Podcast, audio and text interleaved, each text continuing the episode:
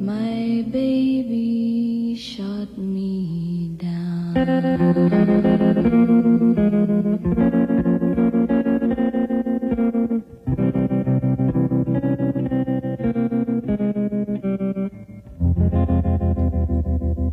痛快丸かじり杉作 J 太郎のドッキリナイトスピリッツ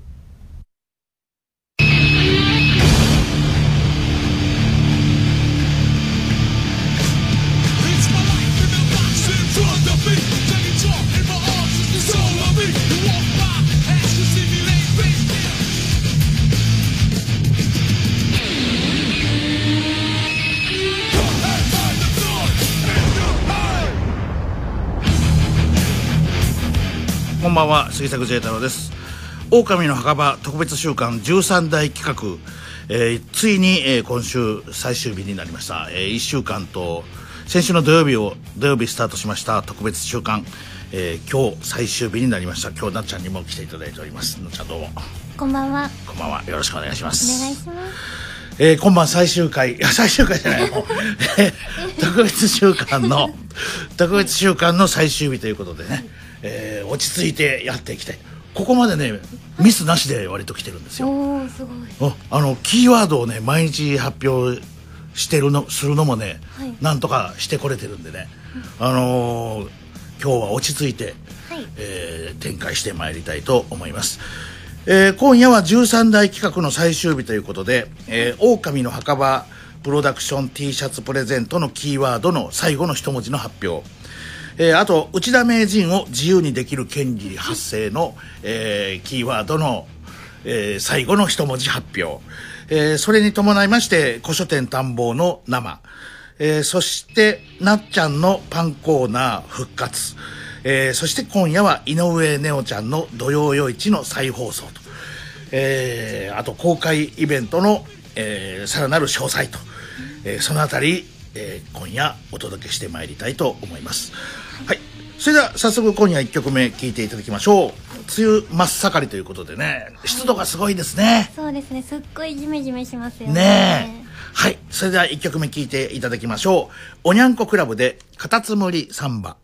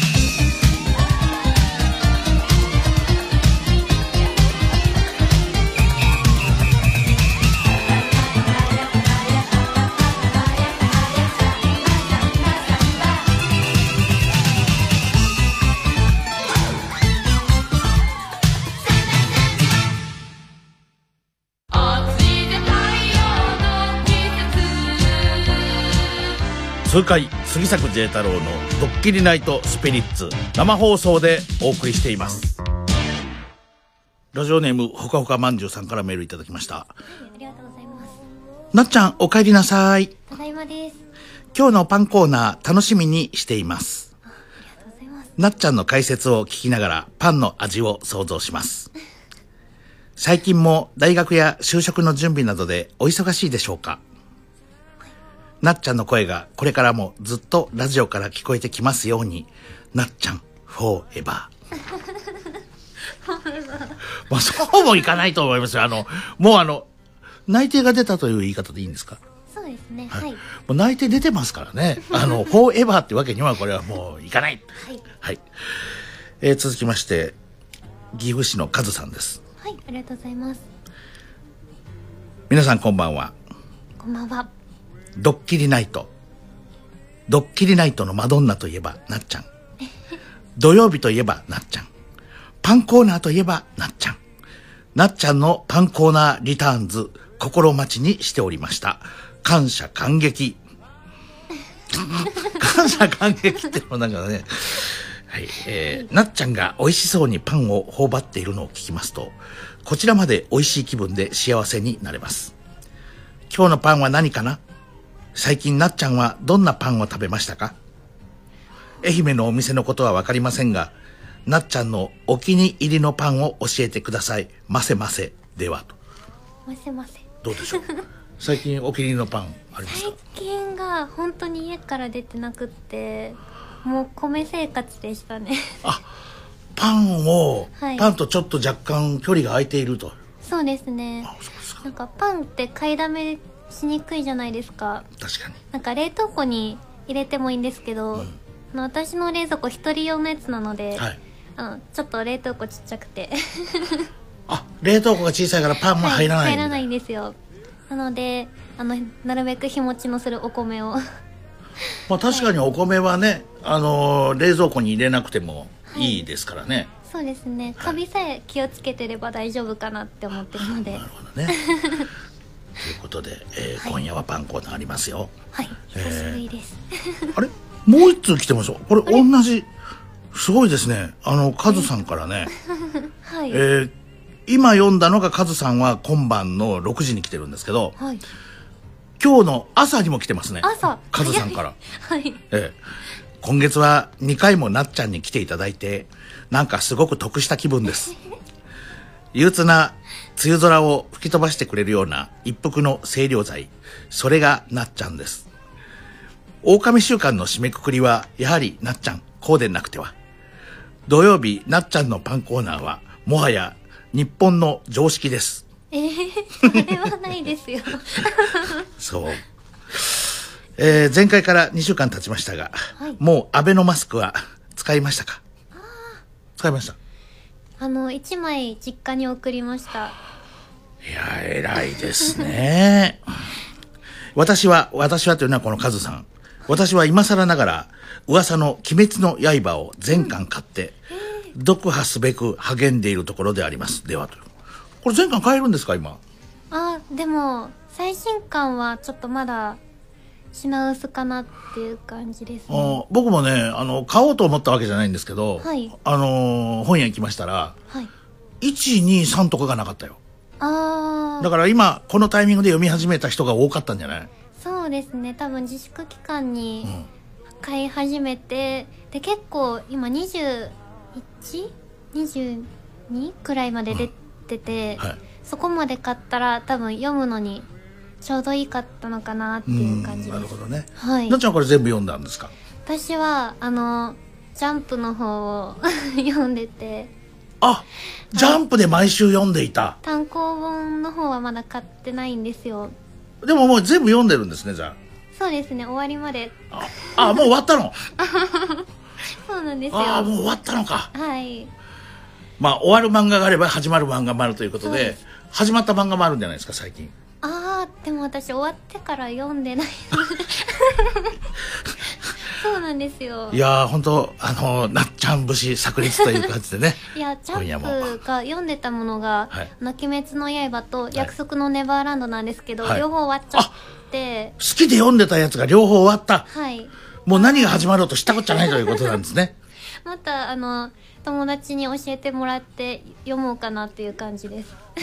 まあでも、あの、そのタイミングで他の本に移っていくのもありだろうしね。そうですね。ね、はい。あのーまあ、あの、あんまり言うとちょっとあれですけど、この、この機会にぜひね、アックスに、あの、2ヶ月に1回しか出ませんから、読みやすい本だと思いますけど、さあ、えー、それではですね、この後は、えー今日はもう、早々に、はい。パンコーナー参りたいと思いますんで、はい。えー実は今日のこのパンコーナーのパンは、えー焼きたてのパンになるんです来。たてはい。で、あのーこれ私が今から取ってきますんで、えー私は今からこのスタジオを出て、えーはい今日生放送でおお届けしてますが、取ってきますんでね。取ってくるんですか？えーえあ、取ってくるっていうか、あの、うえー取りに行く。あのね、スチールじゃないですよ。スチールの取るじゃないです。あの、じゃないですよね受け、はい受け取りに行く。あよかったです買いに、買いに行くわけです。はいえー買いに行ってまいりますので、え2曲続けて聴いていただきたいと思います。その後はなっちゃんのパンコーナーになります。で、もしも、えーパン焼いてもらうのに若干時間かかりまして、はいえーかかるようでしたらですね、えーここにお便り、えーあります。大久保さんからのお便りがありますので、はいモアミュージック大久保さんからのちょっと長めのお便りがありますんでね、はいあの、ここに大久保さんのお便り、あ、ここにありますんで、あはいもし僕が帰ってくるのが遅れましたら、これを読んでいてください。わかりましたはい。さあ、それでは、え2曲続けて聴いていただきまして、その後、えーこの13代企画の、えー最終日の、もうまず一つ、まあ大きな一つですね。なっちゃんの復活パンコーナー、それを祝しまして、えー今日は焼きたてのパンということで、私今からスタジオを出て、えー生放送で撮ってまいりますんで。はい。はいそれでは、え2曲続けて聴いていただきます。えーまず1曲目、クリームで、ダンス・ザ・ナイト・ア・ウェイ。そしてもう一曲、マイ・ラビッツで、私がいいな。二曲続けてどうぞ。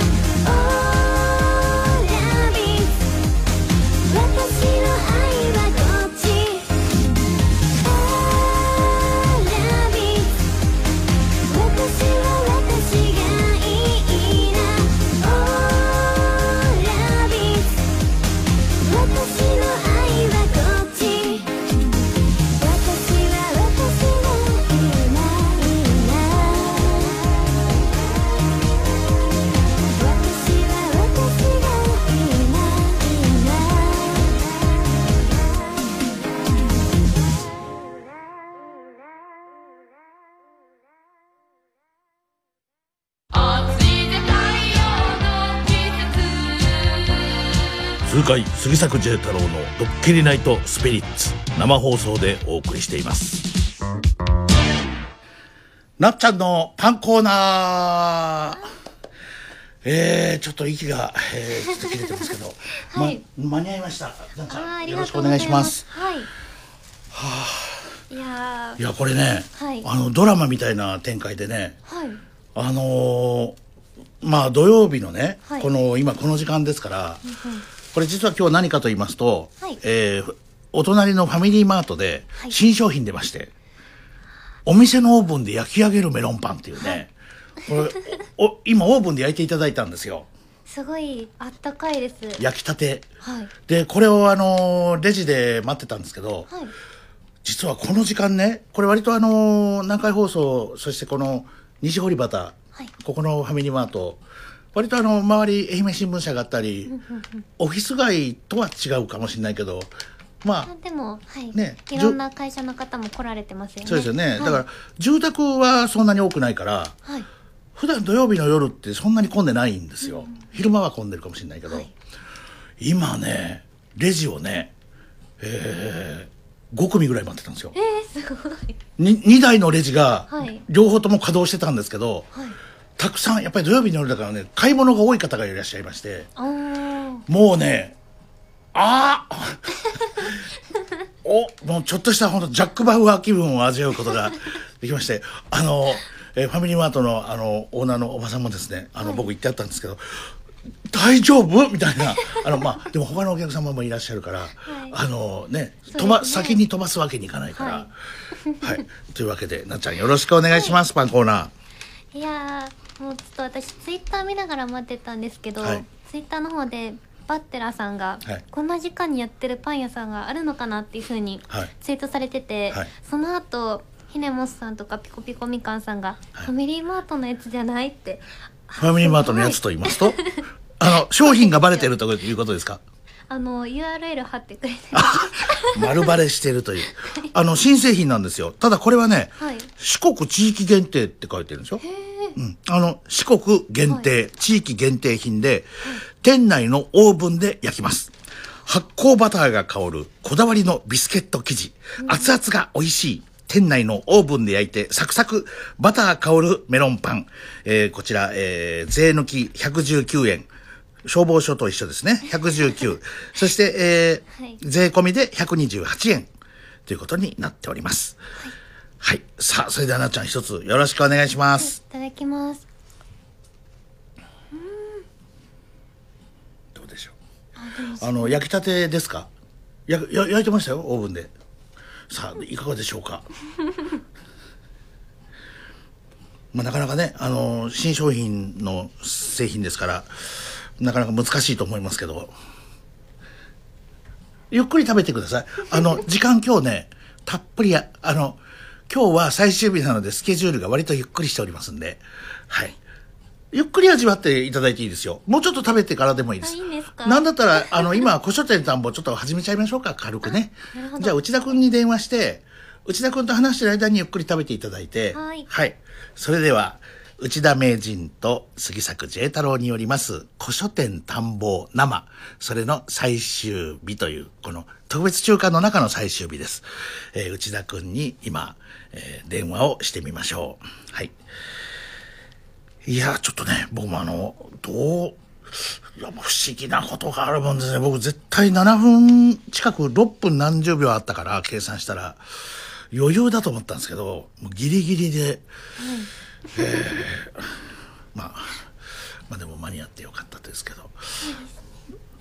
いやこれね、あのー本当地域限定なんですね。四国、四国のファミリーマート、約550、えー四国に550店もあるんだってーこんな。にいっぱいあったんですか？はい。四国地域のファミリーマート約550店にて、はいあ、なんだ、これ、僕すごく最新のものだと思って紹介したんですけど、あれ？去年の11月から始まってたんですね。えー去年の11月、あれ？そうだったんですかね。あ、内田くん。内田くん。もしもし。あれ？切れてしまいました。どうしたんでしょう？えーもう一度もう一度、あ、あ、ちょっと今、えーある人物がミスをしたようですね。あの、まず誰かはあえて言いませんけども。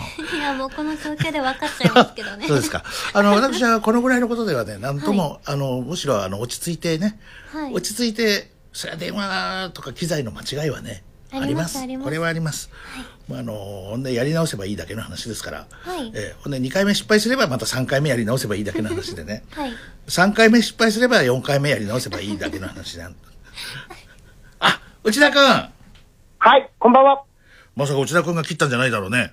いやいや、びっくりですよ、ちょっと。なんか切れちゃったんで、はい。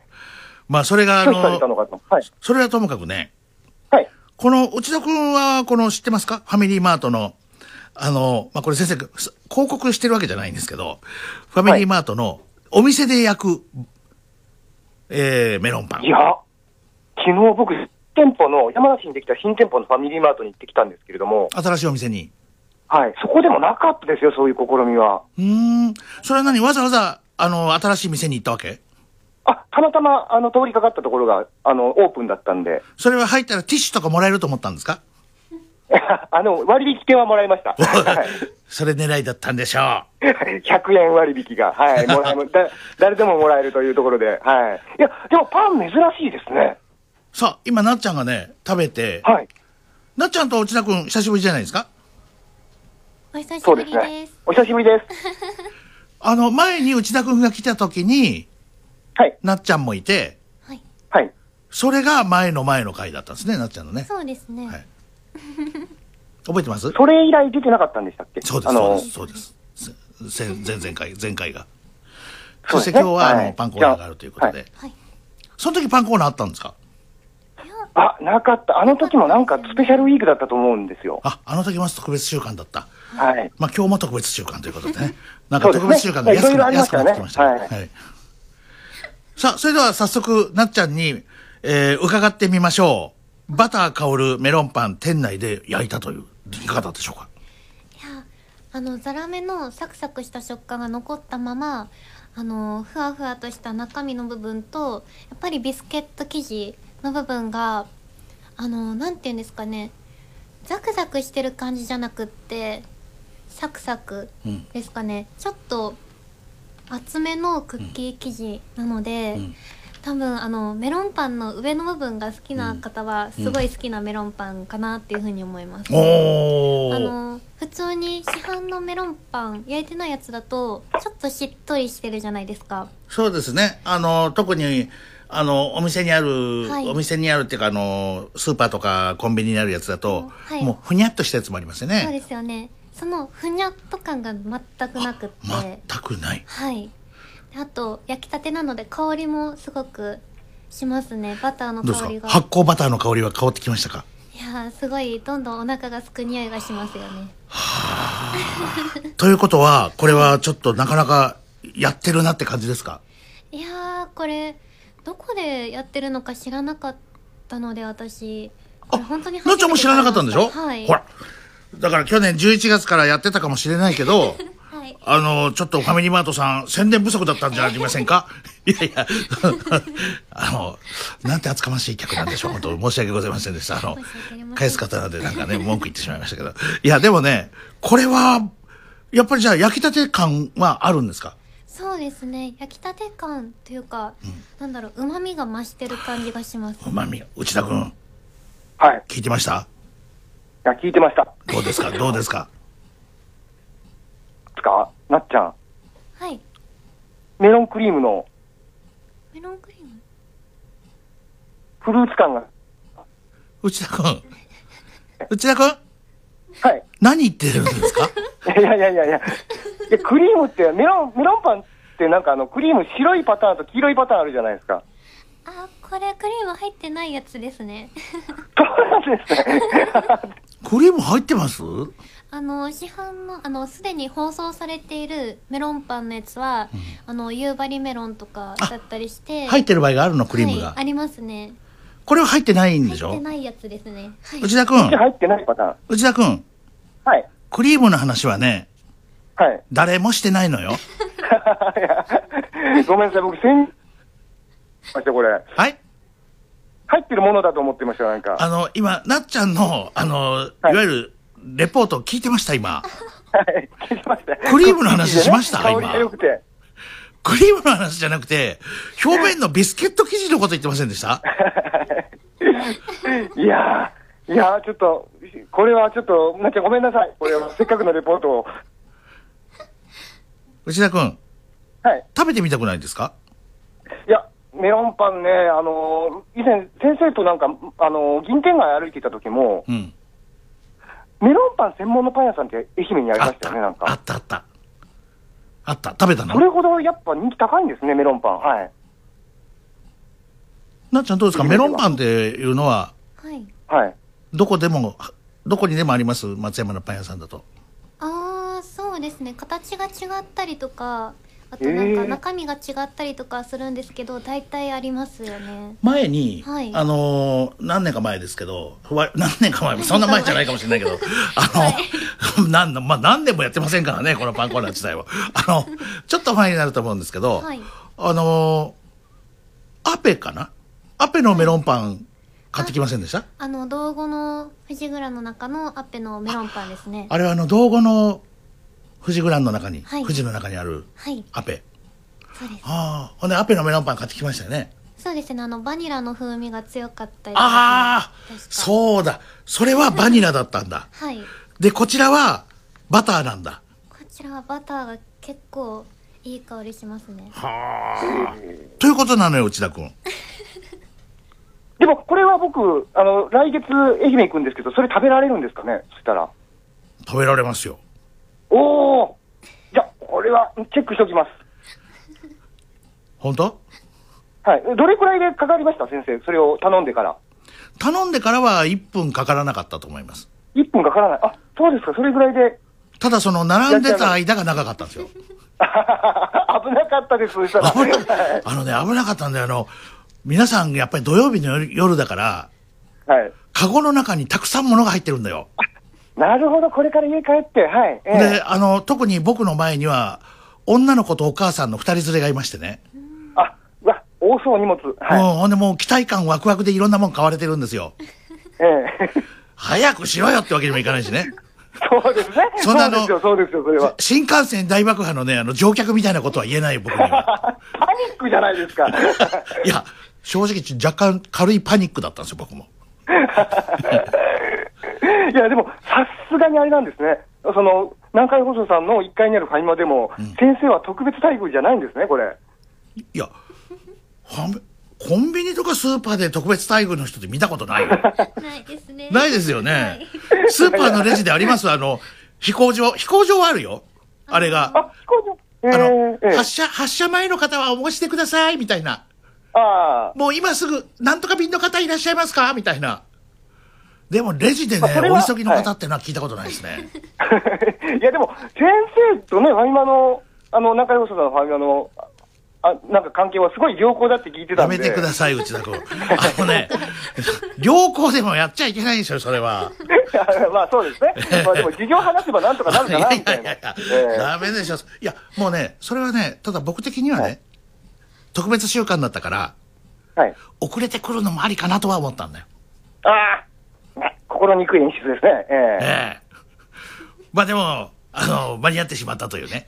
えはい。でもおかげで焼きたてが、なっちゃんの口の中に入ったわけですね。はい。うんほんで、もし遅れた時には、大久保さんのメールを読んでいただこうと思って、いただいてます、なっちゃんの手元に大久保さんのメールあったんですけど、はい。戻ってきましたもんですから、モアミュージック大久保さんのこのメールは、はい。ボツということになってしまう。いやいや、そんなそんなことね。そんなことはない放送時間まだあるから。放送時間まだありますから。いやいや、気ぃつけて喋ってないとね、大久保さんも、あの、殴り込んでくるかもしれない。近いから。近いですからね。何して。はいあの、ナートぐらい近いですから。はい。えええなんかあの、昔の、大昔のあの時代劇のあの、お坊さんの反乱みたいにあの、丸、丸太でなんか城壁を破ってこの、え送迎が。いやいやいやいや、でも、あのー間に合ってはよかったですよね。でも、でもやっぱそれはそう。です。ということで、あの、パンコーナーもお届けしたとこなんですが、はい。ここからは、あの、古書店探訪生ということで、若干短いですけど、時間が。はい。内田君、はい。あの、やっぱり、あの、古書店で、例えば、内田君が前、あの、松山の、あの、ブックスヤングさんですかね。はい。あの時に言ってたけど、やっぱり、文庫本の想定とかが昔の方が好きなんでしょ？内田くんが。ああ、そうですね。あの、先生も多分ご存知だと思いますけど、やっぱあの、昔の小説作家さんって、フィックスの作、創作家さんがいませんでした？カバーイラストを描く描かれる方が。決まってましたね。星新一さんに真鍋博さんみたいなね。誠さんもよくやられてます和田誠ん。さんとかね。はい。で、高木明光さんなんかだと、あの、なんか、白黒コピーみたいなやつとかね。あ、そうですね。多分その、あの、日暮修一さんです。あ、日暮修一さん。あの、ビッグコミックの表紙でおなじみの。ああ、あの人だったのか。はい。すごい怖いんですよね。日暮修一さんの表紙。あと、あの、角川の筒井康隆さんも良かったですね。あ、えっ、と、どなたでしたっけ？えー、ついさん。まあ、なんといってもでも、僕たちが馴染みがあるのは、あの、一緒にイベントもやらせていただきました、横溝正史の。はい横溝選手の杉本一文先生。はい。はいということで、えー今日はこの後、なっちゃんも、あの、本の想定とかは結構こだわりある方なんじゃないですか。想定です想定で選ぶってことない？あーでも結構あらすじとかも見たりするんですけどやっぱり一番最初は題名ですよね題名？題題名で名？なんか自分の興味がありそうなやつをパッて取ってタイトル？はいえー話が、幅が広がってまいりましたんで、ここで、えーちょっと巻き戻しまして、内田君、はい。ここで一曲リクエストをお願いします。えーと、ではですね、今、杉本先生のお話になったので、横溝正史先生といえば、この方、えー、茶木美和子さんの幻の人、お願いできますか？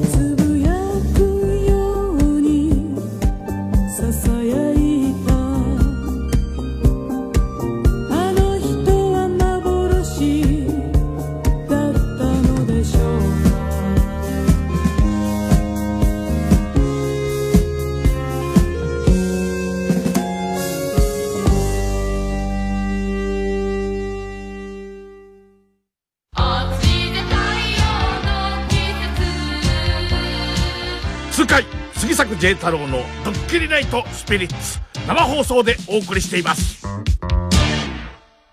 今夜のカムバックゆういちです「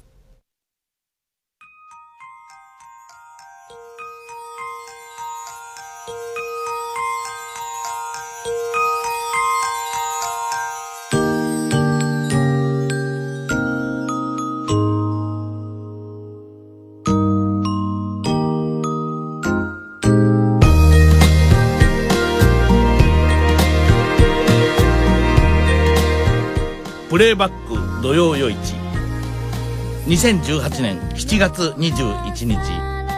松山市銀天街大街道土曜夜市。出演井上ネオ杉作 J 太郎。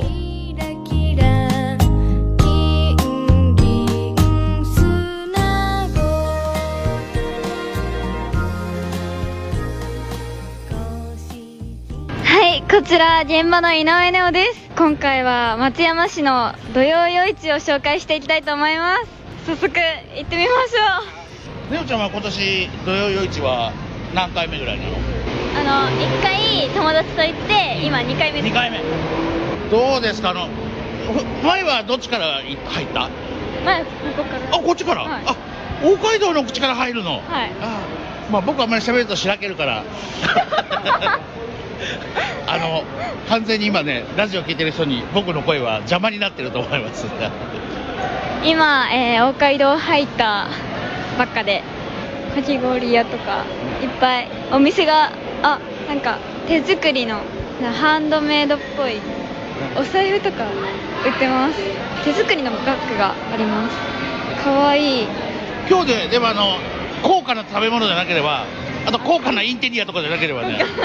今日はあの遅刻したから僕が全部払いますかあら本当ですか？今日はあのあの ネオちゃんはあの夜市に来るときは食事はしてくるの？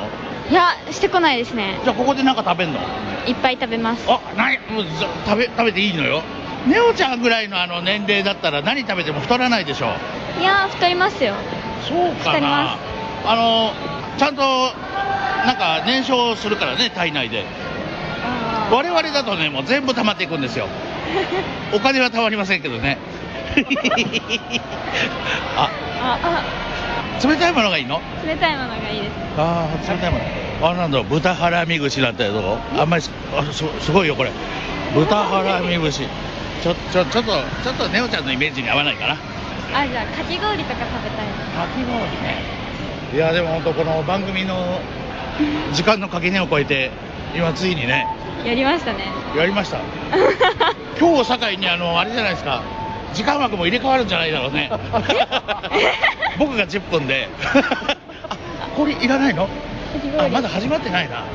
そこれシャワーソクリームなんかどう？あこれも始まってない。あネオちゃんさはい。こんなんやってみたらどう？これスーパーボールスクリーン。これお金あるのよ。あ本当だ。ね？ちょっとやってみよう。じゃあ僕マイク持ってますから一回いいですかね？はい。はい。じゃあ。あじゃあややります。ありがとうございます。えー今ネオちゃんが、えーこれ紙の金魚をすくうような紙ですか？これは。はい、あ紙でもうすくった一つ。コツあるんですか？これごついんで大丈夫です。ちっちゃい子でもできる用のサイズなんで。お大丈夫でもこんな綺麗な女性はね。そうですね。見とれますね。これ。ね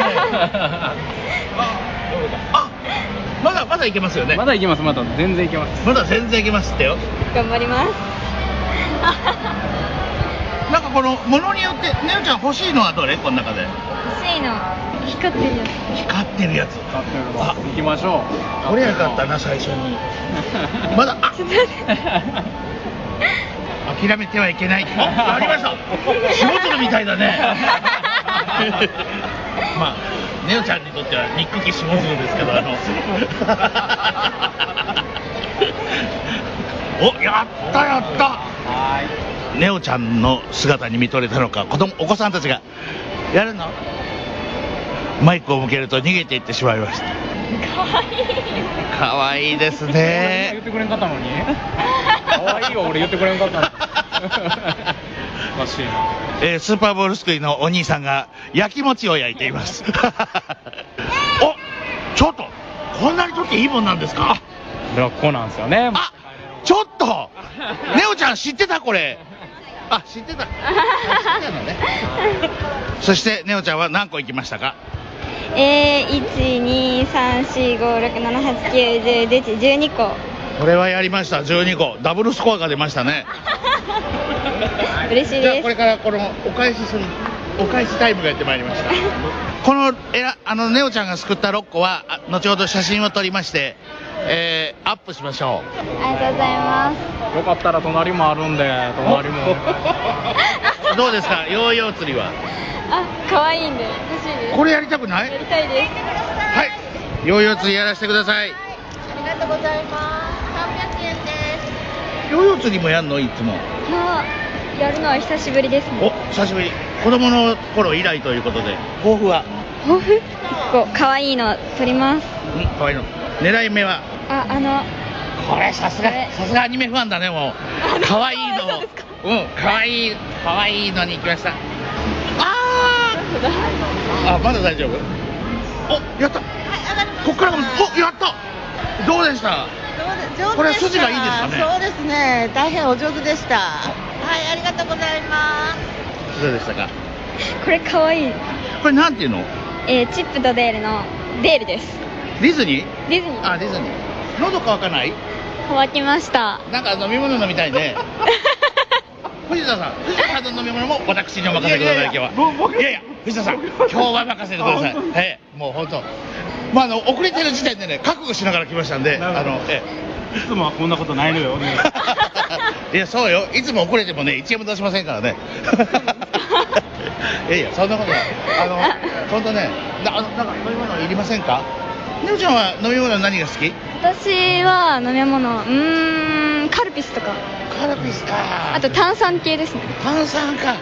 炭酸はあるかな？炭酸も何も飲み物自体がちょっと今んとこ そうヨーですねヨーヨーヨー釣りが多いねテンション上がりますね上がりますねこういうのですねねおちゃんこれはアニメがいいアニメアニメ銀玉が多分あると思いますえー、ネオちゃんの足取りが速くなってますねああったじゃないネオちゃん欲しいの買ってあげますよもうもう本当ですか本当ですか本当ですか、うんこれこれ欲しいです誰それあの沖田倉庫のあの女版みたいな。あ倉庫。本当にはいないんだねじゃあ、はい。あ女になったのか漫画の中で、はい。じゃあそれ行きましょうか、はい。これこれが欲しい時どうすればいいです？かはい。切ります。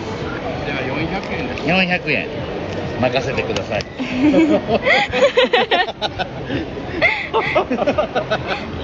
いややっぱりねあの僕は今身をもってねやはり映画の世界は遅刻厳禁ですからね。もうあの僕もいそれはもう叩き込まれてたんですけどえやはりあの後輩に今改めてねあの 時間を厳守しないとこうなるということを僕は今身をもって示しているわけです。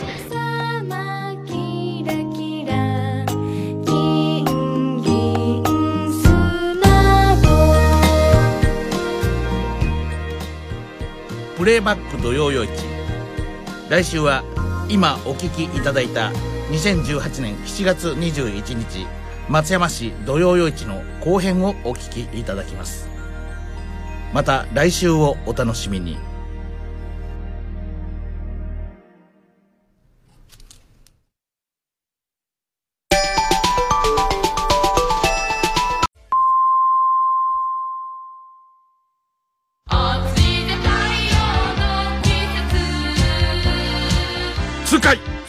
J 太郎のドッキリナイトスピリッツ。生放送でお送りしています。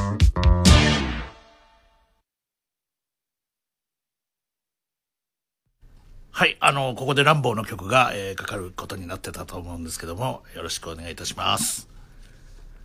はい。は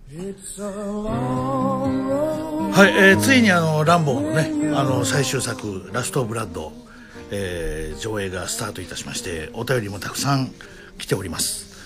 が、えーそれは後ほどということでですね、えー後ほどというか来週になるかもしれませんが、えーここでさっきネオちゃんの言ってたい。天気の話をちょっとしておきたいと思います、はいあのー今は現在さすがですねネオちゃんね。あのーもうふるさと離れられてても、ふるさとの天気のことを心配してらっしゃって多分あのふるさとにいる父上のことをね。父上。のことをもう本当あの思い思心を馳せてらっしゃる。おおお父さんにあの浴衣の写真も送るって言ってましたもんね。そうですね、はい。絶対大喜びですよね。ねえ。はいあの、はい。こちらねあの確かにネオちゃんのおっしゃった通りなんですよ。今愛媛県東予中予南予北部南部すべてですね雷注意報が出ております。そして南予南部は大雨波浪警報あ失礼しました。大雨と波浪注意報も出ております、えー雨のピークははい。この後みたいなんですよ。今夜遅くから明日の明け方までに雨のピークが来るということなので、なるほど。あのー河川のそばとかね山沿いの方はぜひこれはちょっとにラジオとかいろいろな情報あの地区の放送など気をつけていただきたいと思います。あの南海放送アプリもね新しくなりましてね。あのこのこの夏というかこうもうもうもうすでになってるかもしれない来週あたりから、まあのこの災害とか警報に対してもねよりより役立つアプリになっていく予定になっております、えー落雷突風もあると。激しい雷雨の恐れがあり落雷突風にもご注意くださいと、えー明日は昼前まで雨が降ると。ところがあのその後晴れ間が戻るのでこれはね何が怖いかって言いますと、今コロナで皆さんマスクしてらっしゃるじゃないですか、あの真夏日になるところが多く湿度が上がるのでマスク着用の中での蒸し暑さになるので熱中症がちょっとね心配な明日は午後になるということなのであの、まあ、お出かけになる方はちょっと用心しながらもしあのこれこそ何かあんまり出かける用事がそんなにないんだったら家にいて涼しく家だったらねマスク外してられますから、そうですね。はい。はい。そしてあの水分とか取りながら、さっきネオちゃんにもその話僕もちょっとしたかったんですけどあのナイターが始まったんでね。あの明日はデイゲームですからはい。あの家で野球のラジオ聞いたりテレビ見たりあの、まあ、テレビラジオで中継がない場合はあの何かこうインターネットで得点経過見たりねして楽しんでいただければ、そうです。あのどうですか？あのなっちゃんのお父様はい。カープファンの。はい。喜んでんじゃないですか？あーどうなんですかね。全く連絡がない。はいないので。鈴木誠也がね、はい。もう今すごいんですよ。そうなんですはい。もう、はいホームラン4本か5本。へえ早いですね。早いすごい早い。ほんであのおまけになんか軽く振ってもホームランになってるんですよ今今シーズンは。軽くですえか軽く振ってね、はい。ヒュッと当たっただけでねはい。あの解説の人とか実況の人とかは、外野ぐらいだと思ってるみたいなんですよ。ほんであの本人もそんなつもりみたいなんですよ、それがスタンドに入っちゃうんですよ。ところがね聖夜がすごいっていうのはピッチャー陣だけたちは分かってるんだと思うんですけどはいピッチャーだけはねハッとしてますねみんな見てると。ああなあるほど。の軽く当たっただけでだけでもピッチャーは「うわ聖夜聖夜聖夜聖夜」みたいな。いやでもやっぱりなんか感覚があるんですかねやっぱり。あの相手の振る速さとかを見てあこれはやられるみたいなのが。うんあるあるんだと思います。あのものがあるんですよね。やっぱりあのね、はい。あの100 150キロオーバー155キロぐらいの球を投げるのも難しいでしょうけど、はい。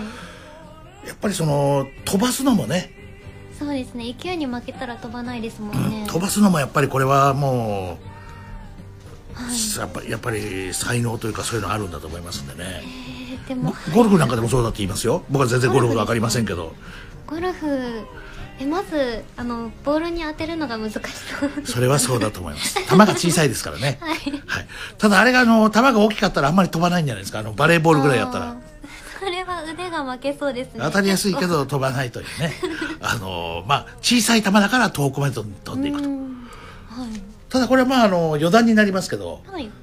やはりねあの中継の方は大変だと思いますよ。あの小さい球を追わなきゃいけないからそうですね。うんだからあのゴルフのカメラマンの人ではい。人はやっぱり結構神経質なぐらいあのし集中力のある人じゃないとダメなんじゃないですかね。あーでもそれだったら球技全般速くないですか？卓球とかバドミントンとかも。そうですね。まあ卓球は早いでしょう。これは、ね。球は。ただあの試合が起きてる範囲が狭いからああなるほど。割とフィックスで取っとけばね。あのテニスなんかもそうじゃないですか。あの画面はもう決まってるから。結構引きで撮ってますよね。これがゴルフだとさはい。あの球を追うカメラがあるわけですよ1台。ヒューッと。空の空の。ところですか？ほんでこう、はい。落ちて転がってるようなところ。あのプロ野球もありますよね。あの球を捉えきれてないカメラも時々ある、はい、ありますね。だからやっぱりこのやっぱり野球とかゴルフに回されるとはいやっぱりちょっとカメラマンの人も 腕が。腕が厳しいなって方もいらっしゃるかもしれない、はい。ええ。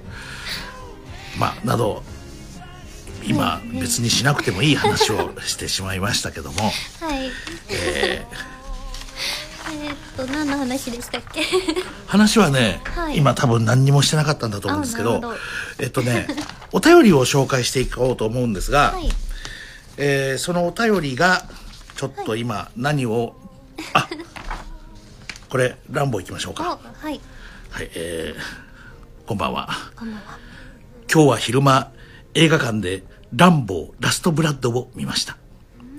久しぶり久しぶりに映画を見た後しばらく動けなくなるくらい感動してしまいました。というのは、えーこちら、えー東京都中野区のふんどしゆで太郎さんです。凄まじい映画でしたレビューサイトの評価はそこまでではないみたいですが。いやもうそれねもう気にしないでください。気にせんでやっていてくださいもう。えーそんなことはどうでもいいことで万人には届かなくとも私の心にはものすごく響きました。そうですよ。もうね。映画って難しいですよねこのレビューサイトって。ぼ僕はあんまり気にしない方なんですけどねそうですね。よく映画を見る人の評価とあのたまに見る人の評価ってやっぱり違うんじゃないのかないやそれはそうだはと思います。思いますよね。特にねこの「ランボー」みたいなはい。過激な内容のものはそうだと思います、これ同じようなことで言いますとねあの、はい。何年ぐらい前ですかね。あのアカデミー賞、作品賞とね何部門か取ったね「ノーカントリー」って映画があるんですよ。トミートミー・リー・ジョーンズのね、はい。あの缶コーヒーのコマーシャルに出てるシワシワのおじさんが保安官で出てくるあれなんかは多分日本のレビューサイトはかなり悪かったと思いますよ、あの過激でちょっと暴力描写が激しいんで、でもやっぱりあのアメリカの人とかはい。海外の人から見ると、おまけにちょっと不思議な映画だったんであの大変高評価で。そのまた暴力が一つのまたテーマになってたから暴力というよりもはい。今回の「ランボー」もそうだと思うんですよね。このやっぱりねアメリカが舞台のものでそのベトナム戦争が関係してる映画ははい。やっぱりなあこういうふうになりがちなんですよね。あれもそうでした、あれも確かノーカントリーも確かそうだったと思うんですけど、はいあのーだからレビューサイトはあんまり気にしなくて僕はいいのではなかろうかと思うんですが、はいえーお便りに戻ります。万人には届かなくとも私の心にはものすごく響きました。もうそれでいいと思います、食事なんかもねそうですね。ねあの食事なんかもあのよくレビューサイト見てから食べに行かれる方とかもうん。いると思うんですが、はい。どうなんですかね？そうなんですかね？えーレビューサイトでみんなが評価するかどうかなんて、その作品の価値には何にも関係ないと思います。本当です。もうあのーレ東映、僕が好きな東映の映画なんかね、あの、レビューサイトっていうのはもしもあったら、例えば中島貞夫さんの極道社長とかね、もう、最悪の評価だと思います、もうそれは。あの、で僕自身も点つけたら、ただね、点じゃない、点数じゃないからやっぱりほら映画ってそうですねはい映画は学校の試験とかじゃないからもう一箇所面白いとこがあればそれでいいんですよこれはもうね。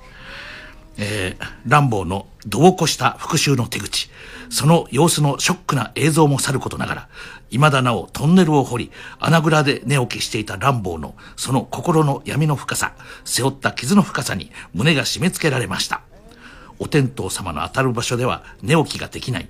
まるで鶴田浩二が歌う傷だらけの人生の歌詞のような乱暴の姿に、乱暴ほどではないにしても、なんとなく明るすぎる場所や、チャラチャラした場所では居心地の悪さを感じてしまう自分を重ねてしまいました。杉作さんがおっしゃっていたように、トンネルの中に入っていった人たちには、人たちは評価に値するなとも思いました。悪党どもにも幾ばくかの男らしさがあったということでしょうか。その通りもうほんとね、穴蔵に入っていった悪党の中で逃げ出したやつが一人もいませんでしたからね。あのー普通は逃げます。あれは、あの、普通は、普通はあの、あの蔵からは、ほとんどが逃げると思います。でも、誰一人逃げなかった。そういう意味では、あの、本当ね、あの、乱暴、竹市城って感じでした。あの、竹市城の乱暴、乱暴城の、乱暴城って感じでしたね、本当ね。さあ、えーなどなどいただいておりますが、またこの乱暴に関しましては、今週かけてゆっくり展開していきたいと思います。今日はあの、キーワード発表もありますんでね。あの最後まではい耳の穴丁寧にかっぽじいて。丁寧に。あのぜひ聞いていただきたい。あのまずはね狼の墓場。男の墓場プロダクションって僕たちが言ってたのがはい。あの狼の墓場プロダクションになったわけなんです。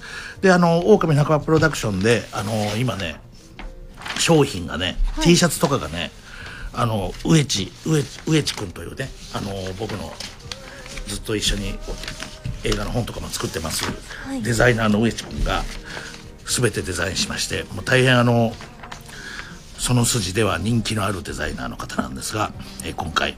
はい。前回の男の墓場プロダクションの時も植地君がやってくれたんですが、今回も、えー、全て、えー、植地君がやってくれました。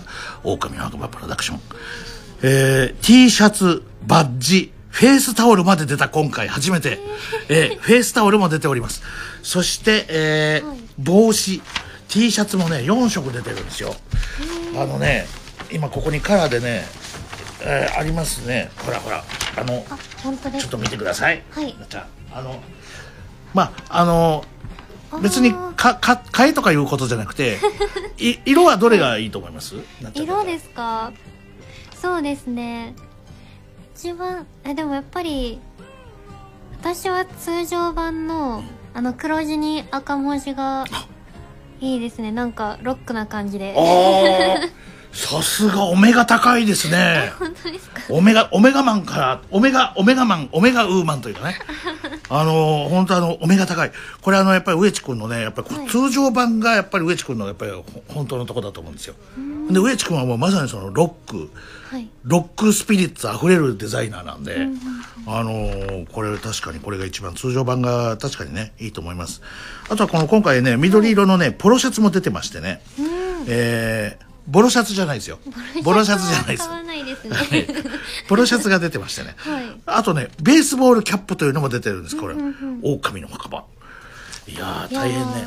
すごい、なんかバンドのグッズみたいなラインナップです、ね、そうです。あのこれねずいぶんあの男の墓場プロダクション店で2005,6年からやってたんですけどはい。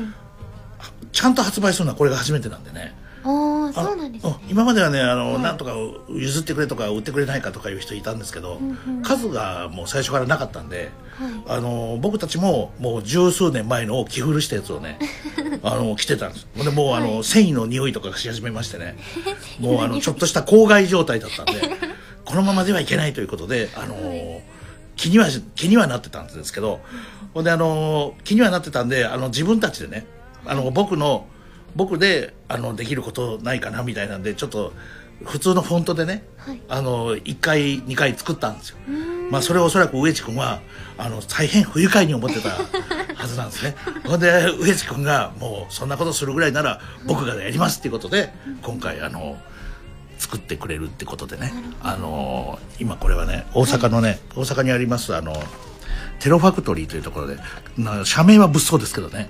あの全然テロリストとは関係のない会社ですからね、あのそこでねあの売っておりますんでぜひあのホームページとか見ていただいたらと思います、であのこのキーワード全部あのね土火水木土。今日で5日目なんですけど、はい。キーワード全部書かれた人にはあのその中から1名の方。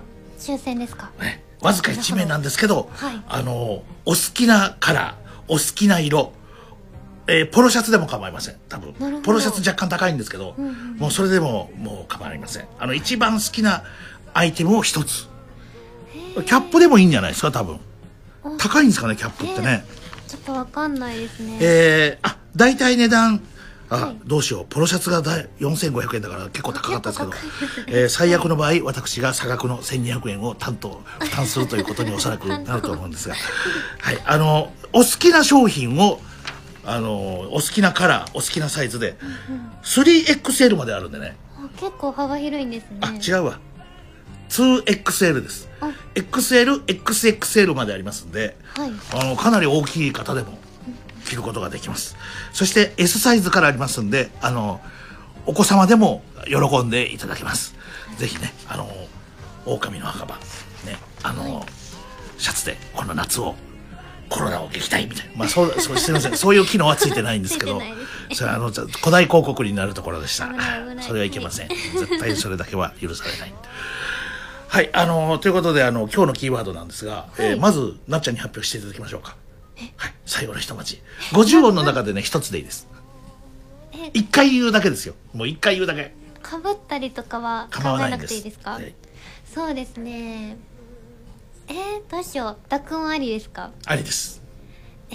じゃあパでパ。はいエキサイティングリーグ、パのパですね。パリーグのパですね。はいなっちゃんだと、あの、よく言うじゃないですか。あいうえおのあとかね。パだと何のパって説明します？パですか？僕今パリーグのパって言いましたけど。えー、パンですかね？素晴らしい。素晴らしい。もう今全米が泣いたって感じだと思う。まあ全米ってお米のことですけどね。すべてのお米が泣いた。あのーちゃいますねそうですか。はいさあそれでは、えーここで一曲聴いていただきます、えーここで聴いていただきますのはこの番組で、えーここのところ土曜日ということでよく聴いていただいたんですが先週はスペシャル週間の突入、えー入り口だったので時間がちょっと厳しかったんでお届けできなかったんですが、はい。今日はお届けできます。それでは、えー聞いていただきましょうか、えー勝慎太郎さんの歌なんですがはい。歌に先立ちまして、えー今日は今日も中村玉緒さんですかねはい。奥様の中村玉緒さんのおしゃべりに続きまして勝慎太郎さんの歌聞いていただきます。どうぞ。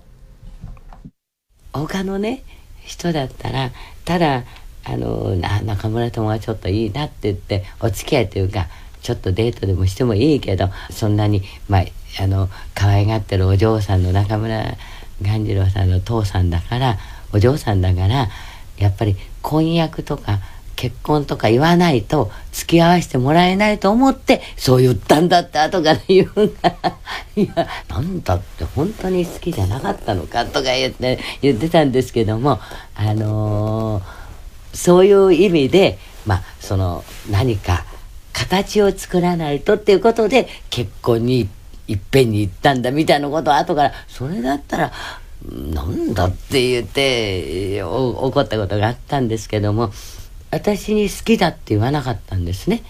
あのみんなで一番最初の新婚のうちなんだけどホームバーがあってみんなで呼ばれて行ったわけです。そしてマネージャーの人が私だけ一人ちょっと玉緒さんということで別の部屋に連れて行かれてマネージャーなんです。で「カスさんが玉緒さんを好きだと言ってますけどどうですか?」っていうことで「私も好きです」って言うと。そしたらまたもう1週間ぐらいしたらまた同じような体制で呼ばれてそしたら「分かりました。あのカスさんもがあの玉緒さんと結婚したいんであの私19でしたからねその頃。ですからもう二十歳になるちょっと前の19でして。であのお父さんになんとか頼みに行きたいんだけどコンタクト取ってくれっていうので私はもう成駒屋家の今の兄鴈治郎よりも偉いんです。私が一番わがまま娘で一番お嬢さんで偉いんですよ。うちの中で。うちの鴈治郎父をあんたっていうぐらい。玉緒さん鴈治郎さんはあんたっていう人なんか誰もいない。あんたなっていうぐらいわがまま娘だ。でお父ちゃん勝さんが結婚したいって言って私結婚したいから会うてってう。うんって言って。ですぐ会ってくれた。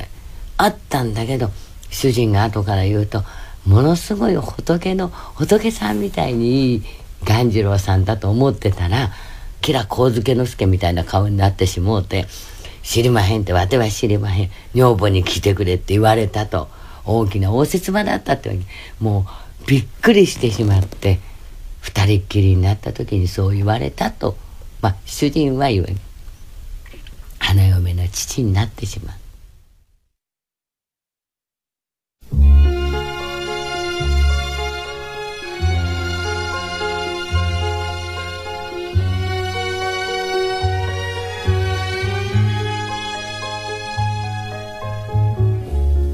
何にも知らずに輝く星よ。愛くした今全てが終わったのに。さえずる小鳥よ。お前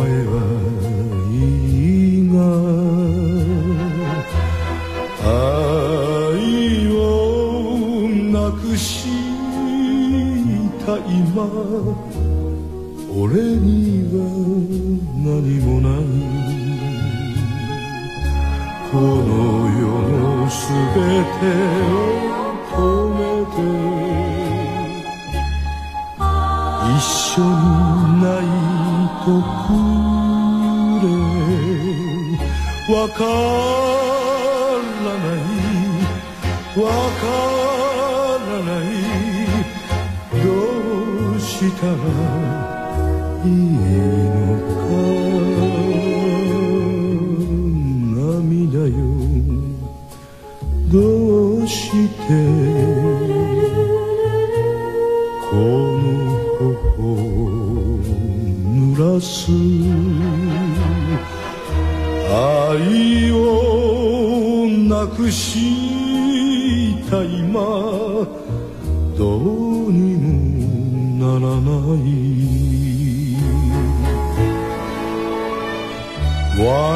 did my heart go on beating?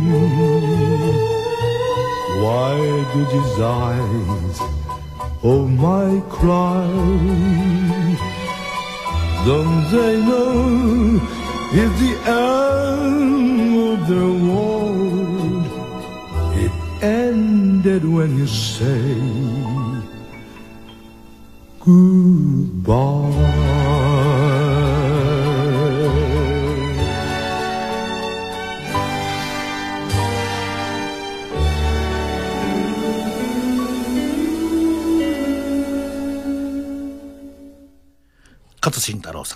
世界の果てに」聞いていただきました。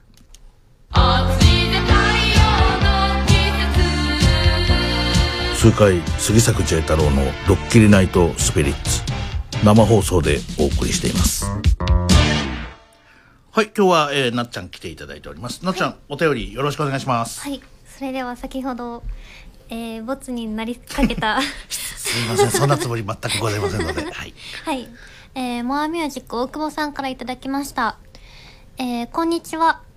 えー、今日店の前に原付が止まり、荷物を下ろされているので、また買い取りやーと思ったら、津田演奏堂さんの社長さんでした。CD と LP レコード用の透明なスト袋系を使えたら使うてくださいと持ってきてくださいました。お見送りして15分。なんと、もう一度袋を積んできてくださいました。まだあるんですか？とお尋ねすると、あと2、3回かな？とおっしゃるので、車で取りに伺いますと、お店の前で待ち合わせしました。ちょうど純駆動さんに本の取り置きをお願いしていましたので、純駆動さん提携の駐車場に入れて、台車1段分、台車1台分くらいの LP レコードの袋をいただきました。車に詰め込み、えー台車をお返しして、高島屋さん地下の小泉さんで大判焼きを買い込み、お届けしてきました。ご兄弟3人が揃っておられて、ご挨拶してきました。うちなんかにくださるなんて、と、純駆動さんまでの道すがらうなだれていました。えー、過去、杉作さん、もしレコードの透明袋が必要でしたら差し上げます。過去閉じ。ありがとうございますえー、純駆動さんにお願いしていた本の中にはしっかり映画秘宝乱暴特集もあります。ありがとうございます えー、これは私個人に来てますね。なっちゃん3体の2巻は読まれましたか面白そうです。まだでしたら、ま、まだでしたらお回しします。えー、まだ読んでません。あまあねあの、なかなかあのーわかりますあの僕もね 読書好きなんですけどねはい。なんかねこう長いものがちょっと読めない、そうですね。ちょっと精神状態なのかもが持たなくて、はい。はい、まあでもあのこの夏はコロナが弱まればはい。集中力も増してくるかもしれない、そうですね。はい。あこれ次読んでもいいですか？よろしくお願いします。えっと、ラジオネーム、ドミノ12世の母さんです。えー、こんばんは。焼きたてメロンパンめちゃくちゃ美味しいですよね。食べられたんですね。昨年発売されたばかりの頃は、小学6年生のドミノが塾帰りに毎回買うくらいお気に入りのパンでした。ああもう好きな人は始めていたんですねとっくに早いですね。はい。えーお店の方も毎朝買いに来る高校生がいると言われていましたよ。久しぶりにまた食べたくなりました。でもあのーねなっちゃんも知らなかったんですか、知らなかったです。僕も知らなかったんですよはい。あのーガンダムシーザというアニメでね、係という女性が言ってました。今気がついただけいいじゃないかって言ってましたんでね。あのーもう本当あの、知らずに終わるよりは良かったですね。そうですね。はい。まだありますか？はい、まだありますよ。えー、ラジオネーム、蟹山太郎四郎さん。お、先生からいらっしゃいました。久しぶりです。えー、皆さんこんばんは。いつも楽しい放送ありがとうございます。適切な文章量を、えー、努力するラジオネーム、蟹山太郎四郎です。まずは、男の墓場プロダクション改め、狼の墓場プロダクションご襲名おめでとうございます。また、なっちゃまが内定とのことで、これもまたおめでとうございます。ありがとうございます。えー、個人的には各週でなっちゃまご登場とは、これまためでたいです。さて、狼の墓場スペシャルウィークの最中に、普通のお便りで恐縮です。えー、先日来、松山の土曜夜市の話題、大変楽しみに聞かせていただいております。えー昨年のこの賑やかさが今年は体験できないとなると例年とは違う夏がやってくるのだなぁとしみじみしてしまいます。私の住む関西もこの感染予防のため、祇園祭り、天神祭りも中止となり、本来、両祭りとも厄除け、疫、疫病退散を祈るお祭りなのに、しかし今年も私にはこのラジオがあります。これからもドッキリナイトでは季節の話題をたくさん取り上げていただき、季節の便りを聞かせていただければ大変嬉しいです。なるほどね。あの、じゃあ、やっぱりこの番組で七夕祭りとかもしなければいけませんね。ああ、懐かしいですね。ええ、あの、皆さんから、あの、あれを送っていただいて、あの、短冊、はい短冊ええ、願い事を書いた短冊を送っていただいて、うんうんまあ、おそらくまた土屋君はね、宝くじが当たればっていうことを書くんだと思いますが、えー今年も、えーおそらくそうでしょう。はい。はいえー、最後に、えー、ちなみに、今日も今日とて拙いイラストを送ってしまいましたが、赤い金魚は笑福、黒い金魚は邪気払いとのことです。皆様に幸あれ、あじゃあ赤と黒両方金魚いた方がいいんですね。みたいですね。それで今日送っていただいたイラストははい赤い金魚と黒い金魚がいらっしゃる。はい。いやー、初めて知りました、金魚の意味。へえ。はい。えーそれでは、ちえさん、なっちゃま、またスタッフの皆様、コロナが少し、えー小康状態になったら、なったかと思えば、大雨や地震など、気の休まるいとまもありませんが、これからもお体に、お体にご自愛いただき、楽しい放送をお続けいただきますよう、お願いいたします。これからもできる限り応援させていただきます。ありがとうございますありがと。うございます。そうですね。あのーこれからもこの番組並びに、えーよろしくお願いいたしまよろしす。くお願いいたします。それではここで一曲聴いていただきます。コスモスファクトリーで追憶のファンタジー。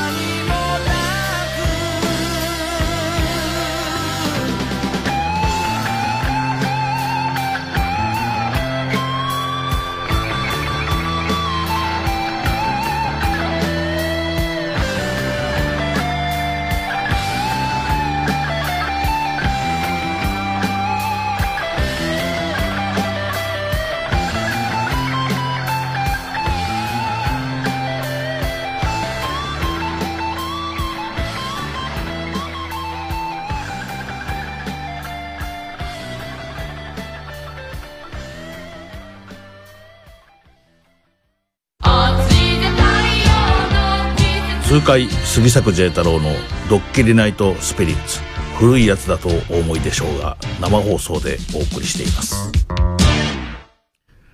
はい内田君はい、こんばんは。こんばんは。えー、古書店探訪生。えーはい。泣いても笑っても、えー今日が、えーまあ、最後じゃないんですけど、この特別週間の生でお送りするのは最後ということで、びっくりしました。はい。らあの来週からはまた改めて、あのーはいえーレギュラーで。はいレギュラーのものをお届けしてまいります。えー、浮雲書店とね、愛媛堂さん。そうですね。はい。まだありますんでね、取りだめは。ちょっと待ってください。そのまだありますんでって、ちょっと。内田君、はい。言葉は大切に使ってくださいよ。いやいやいや、いや、いや結構収録したしたなってことを今思い出したんですよ。え内田君、えいやいやいや、もうあの、ココロナ前にやっぱさすが、さすがだなと、本当に。ええうん、まあいいでしょう。そんなことになると思ってなかったですからね。まあ、それはそうですよ。えー、ちょっとお便り読んで、読みますね。えー。あ、はい。ラジオネーム、ほかほかまんじゅうさんです。ランボーラストブラッド公開初日に見てきました。容赦なし、妥協なしのランボー、素晴らしかったです。もやもやした気持ちがスカッとしました。73歳のスタローン、まだまだこれから。次回作にぜひ期待したいです。いや、わ、元気だね。73歳なんだって。あ、73でしたか。73歳でもう大暴れ。で、今度の相手は多分平均年齢30歳ぐらいですよね、多分。敵？あの、平均年齢、今度の相手は。うん、おそらく平均年齢30歳ぐらいでしょ、全部。もうちょっと若いかもしれないぐらいよ。すごいですね、73歳が。あ、あの、73歳だからだと思うんですけど、はい。まあもう公開になったから言いますけど、まあまあ言いませんよ、結末までは。ああの、悪い奴らに囲まれてボッコボコにされるんですけど、あ、はい。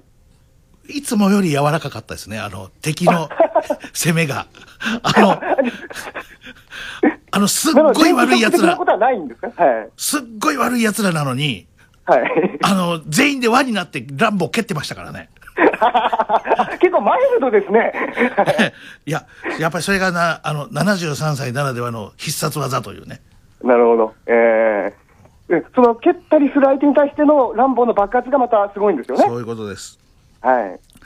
まあ、あのーなどなどなんですが、さっきのはい内田君、はい図書店探訪ということで言いますと、えええー想定の話でしたね。そうですね。はい。あのーさっきなっちゃんがタイトルで選ぶとおっしゃっていたんですけれども、はい。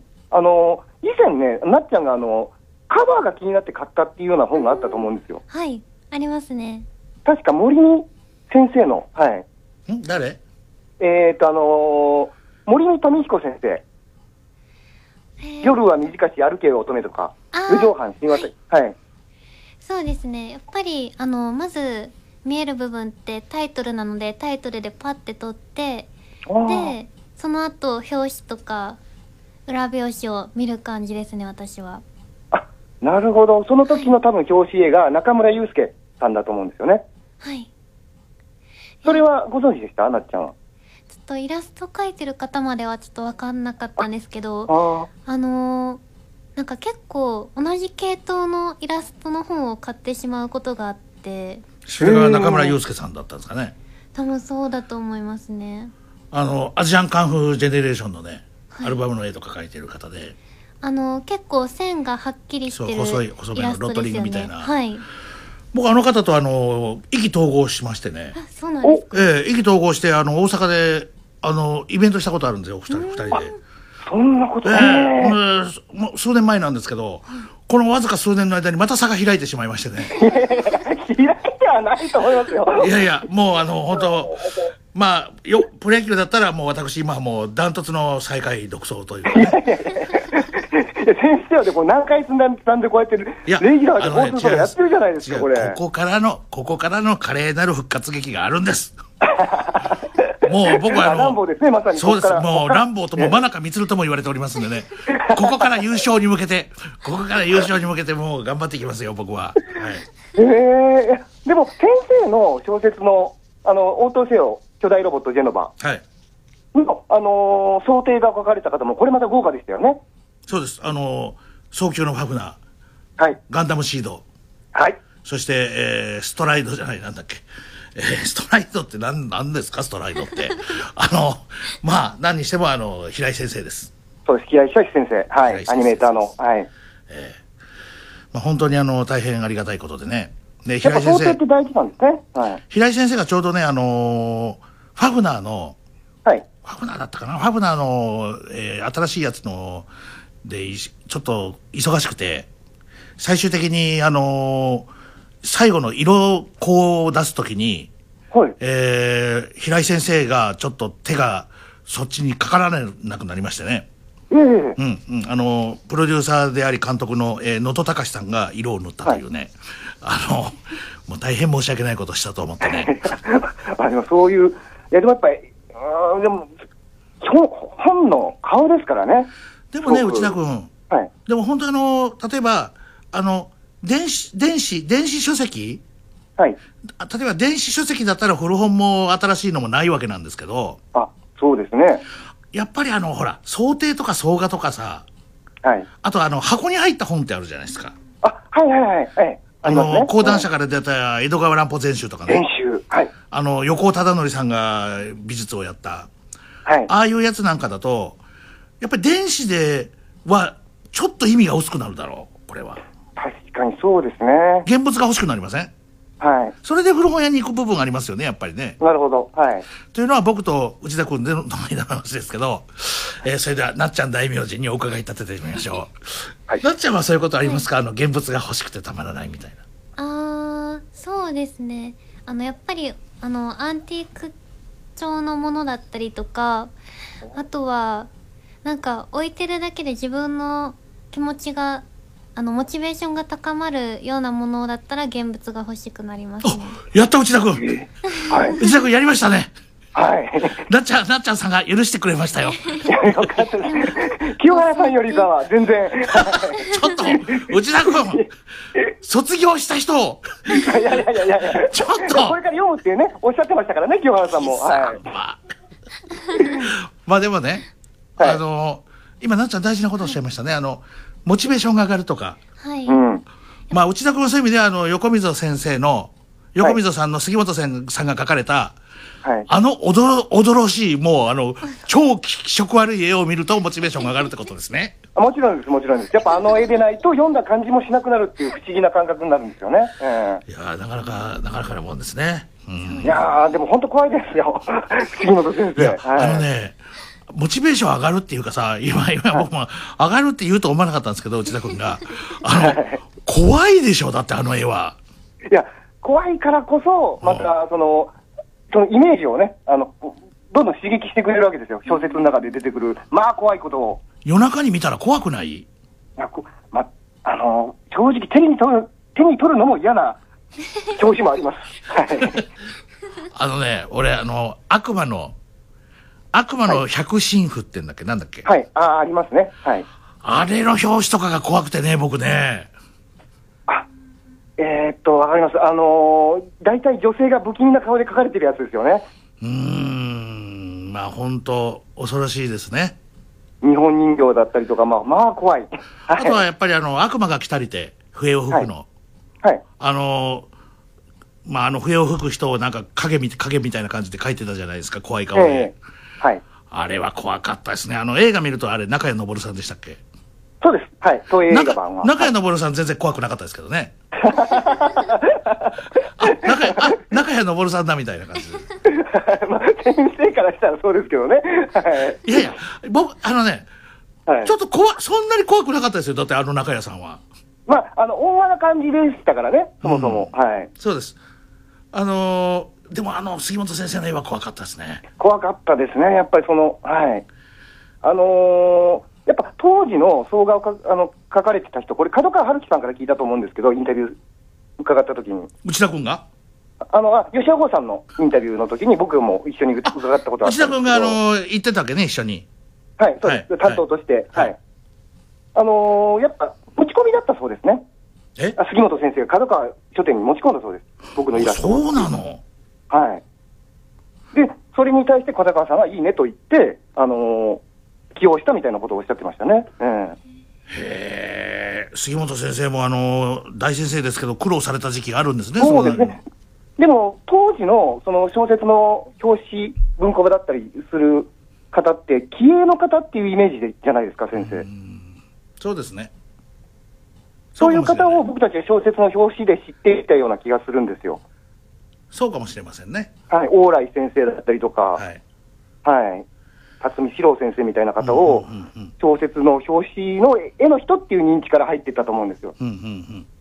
あの、なっちゃんはそういう、今あります手元で大事にしてるような、このカバーが素敵だからみたいな本がある。あーえっと何でしたっけ？あの本屋さん大賞を取った本なんですけどえ名前がこれ内田君わかるでしょ？本屋さんと大賞取った本ですよ。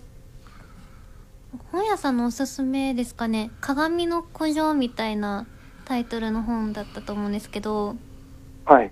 結構あの分厚めの本で、表紙裏表紙がしっかりとした材質固めの材質だったのでおしゃれなんですよ見た目がえー、あ鏡の古城ですね。はい。鏡の古城古城だったと思うあんです辻村美月先生の、はい。なるほど。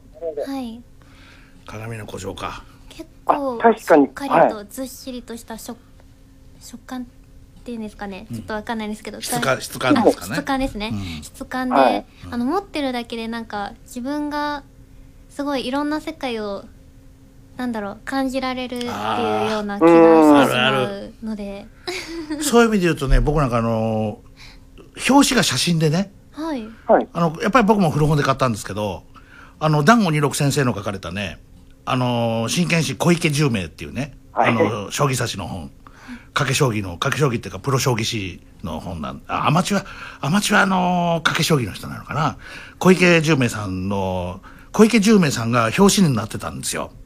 はい。ほんでもう本当にあの破天荒な人生を送られてもうちょっと信じられない人生を生きた人ですけど、ええやっぱりそのカバーを持って僕ねあの旅とかに行く時その本よく持って歩いてたんですよ僕なんかね小池さんと一緒に旅してるみたいでね あの怖いものが一切なかったですねやっぱりその頃 あ、そういう効果もあるかもしれないですね、でもね。そうですあのはい。うん、あの、やっぱりね、どんなことしたって生きていけるわっていうのがね、小池さんの生き方だと思うんでね。あの、もう本当めっちゃくちゃな生き方なんですよ、小池さんの生き方って。はい。だから、それ、その本持って歩いてることでね、随分。やっぱりさ、あれなんかもあの、古本じゃないともう今ど、まあ、新刊もあんのかなでも古本じゃないとその表紙が写真のやつはないと思いますよああ、なるほど。ああ、あ、そうですか。先生、それで乗り越えて、何回か乗り越えてきたんですね。その、表紙のおかげで。そうです小池先生のおかげではい。まあでもあのやっぱり古本じゃないと手に入らないものってあるもんねはい。確かにもう絶版だったりとか、まあ、いろんな理由で、はい、あの、ありますね。はい。古本屋さんならではっていう出会いは。ということなんですって、はい。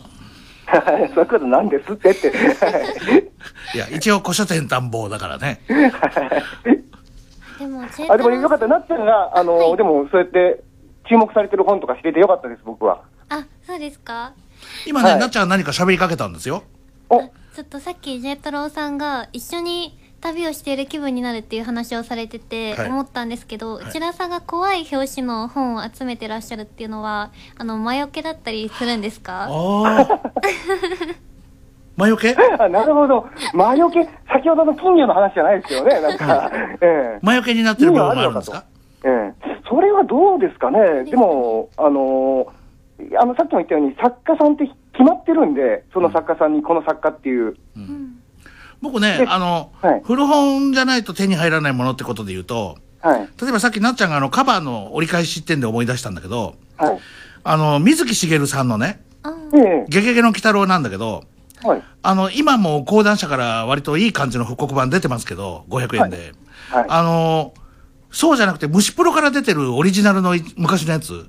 はい、あの虫プロから出たやつはカバーの折り返しが全部ねイラストなんですよだからカバーめくると裏で妖怪位置とかをねみんなが出してたりとか、ああの虫プロ版はやっぱりカバーの裏が全部絵になっててね。あ、あそういう遊びありますよね、昔の、そう。はい、本って。これはやっぱりね古本じゃないともう無理だ。手に入らないんだよね。確かに、確かに、ええ電子書籍じゃ少なくとも味わえないですよね、これは。うん。まあ本当はあの僕はあんまり今講談社とお付き合いないんでいいですけどね。あの今 講談社から復刻版今大々的に発売中だからあのはいまあそれよりは虫プロが良かったということで まあでも本当に確かにそういうことはありました、昔は。はいいや、本当はね、だからね、僕、講談社版も裏にやってほしかったんですよ、それ。なるほど、そこまで。うん、ええあの、表紙はすごい頑張ってるしね。中身も頑張ってたんで、はい。なんとかね、虫プロ版みたいに裏も、カバー裏もなんとかできなかったなか、みたいなね。そこの着眼点はさすが先生ですね。確かに、なそこまで言っての完全いや、復刻と。もうその良いしの時え間はもういらないというね。あの、えはい。どうですかね、あの、内田君。えええー、古書店探訪は、まあ、ここまでということで、はい。ここから先は、えーはい。7月のイベントの告知、この13大企画の中の最後のはい。13番目に、えー数えられておりました、はい。7月の25日、今予定では、今の現状の予定では、夕方の16時から。お、18時まで、16時。16時から18時だったと思うんですけど、はい。えー南海放送1階のテルスターホールで、えードッキリナイトのイベントがあると。そうですね。先生、日本武道館の前にまずテルスターホールです。それは、いやもうね、このテルスターホールがもう本当ある意味、もう、ここで、ここがもう、最終決戦場かもしれないね。そのぐらいの気持ちで行った方がいいわけですね、じゃあ。はいいや、。だって、ねえ、あの、なっちゃんどう思います？テルスターホールでって言ったらすごいホールじゃないですか、これ。そうですね。結構大きいとは思います私は。おお。あとあのレコードの時あ時とそうかだ。があったのでそうだ。結構これは広い。密接かなっていうのは。そうだ。レコードの時もここだったね。はい。そうです。まあ、あとあの、いろんな方がいらっしゃるの、あの、いろんな賞の発表とかもここでさしますもんね。そうです放送に関する賞の発表とか、はいうん、あるんですよ。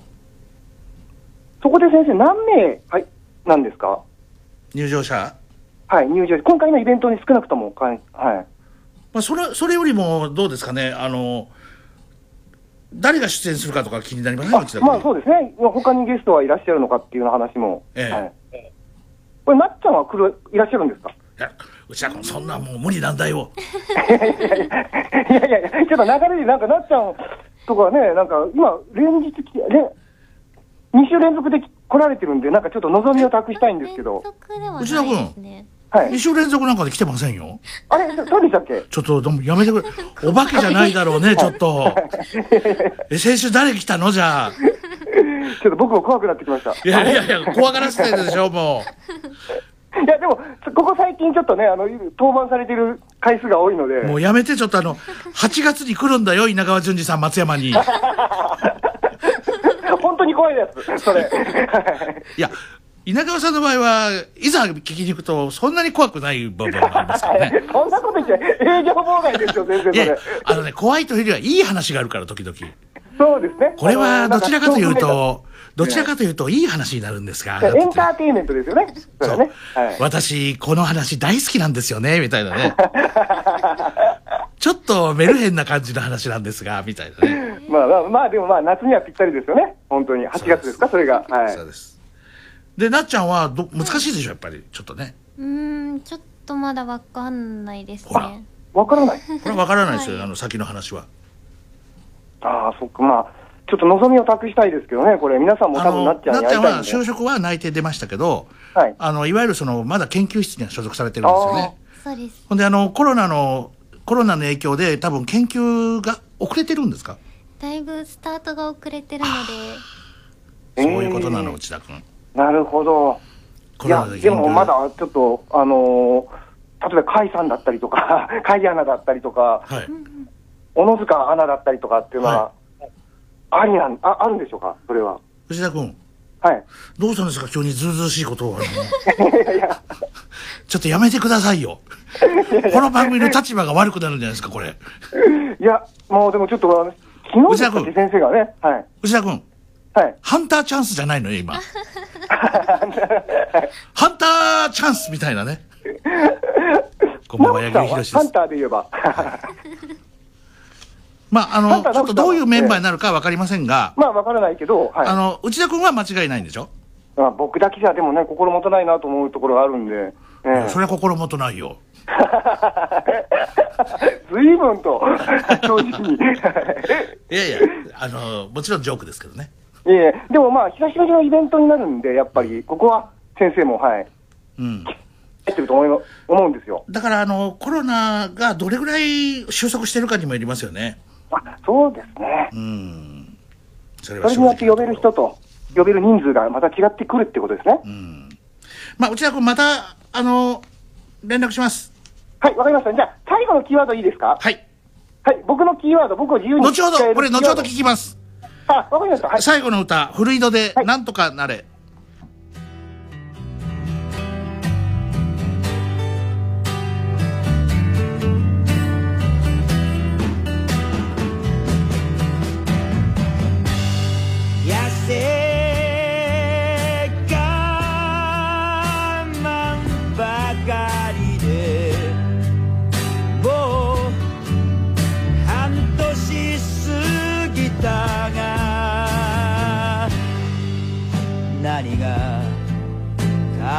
ったか誰を愛したか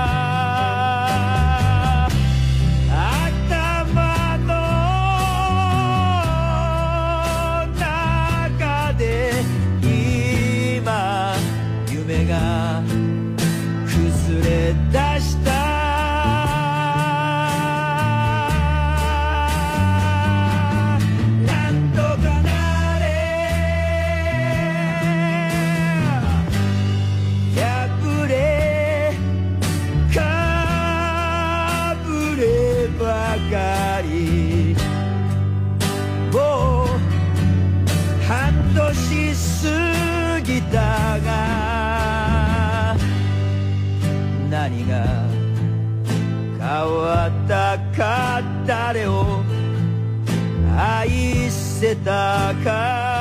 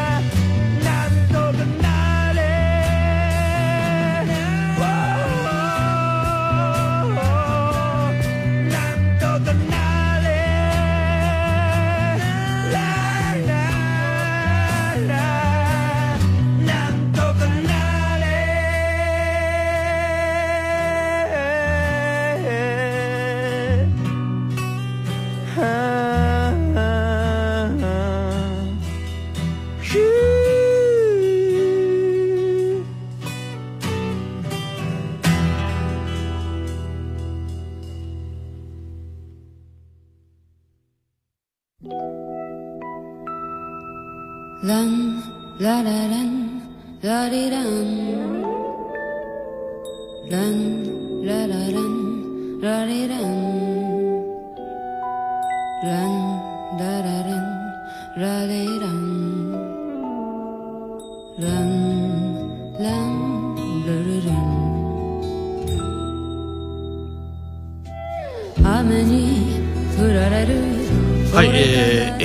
地方中予東予南予すべて雷注意報出ております。南予南部には大雨と波浪注意報も現在出ております、えーこの後もお気をつけください、えーラジオテレビ、えー地元の情報など、えーご注意いただきたいと思います。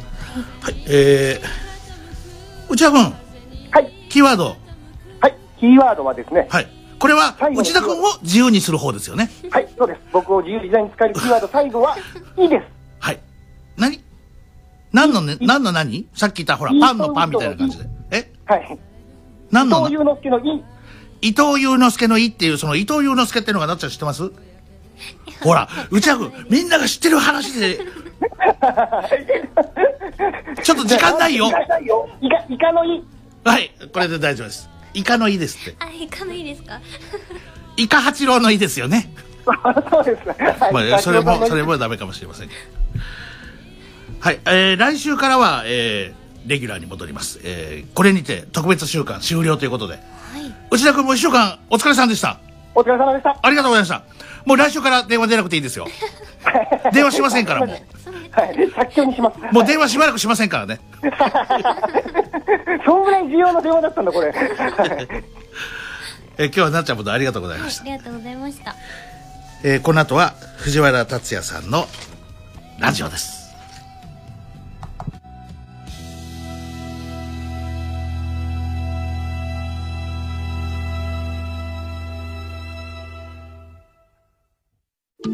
夏井いつきの一句一遊。家藤正人の一句一遊虎の巻。東京から来ましたノラフルです。ラジコプレミアムで聞いてます。俳句の役に立つアドバイスがあったりなかったり。毎週木曜日午後8時30分から放送中です。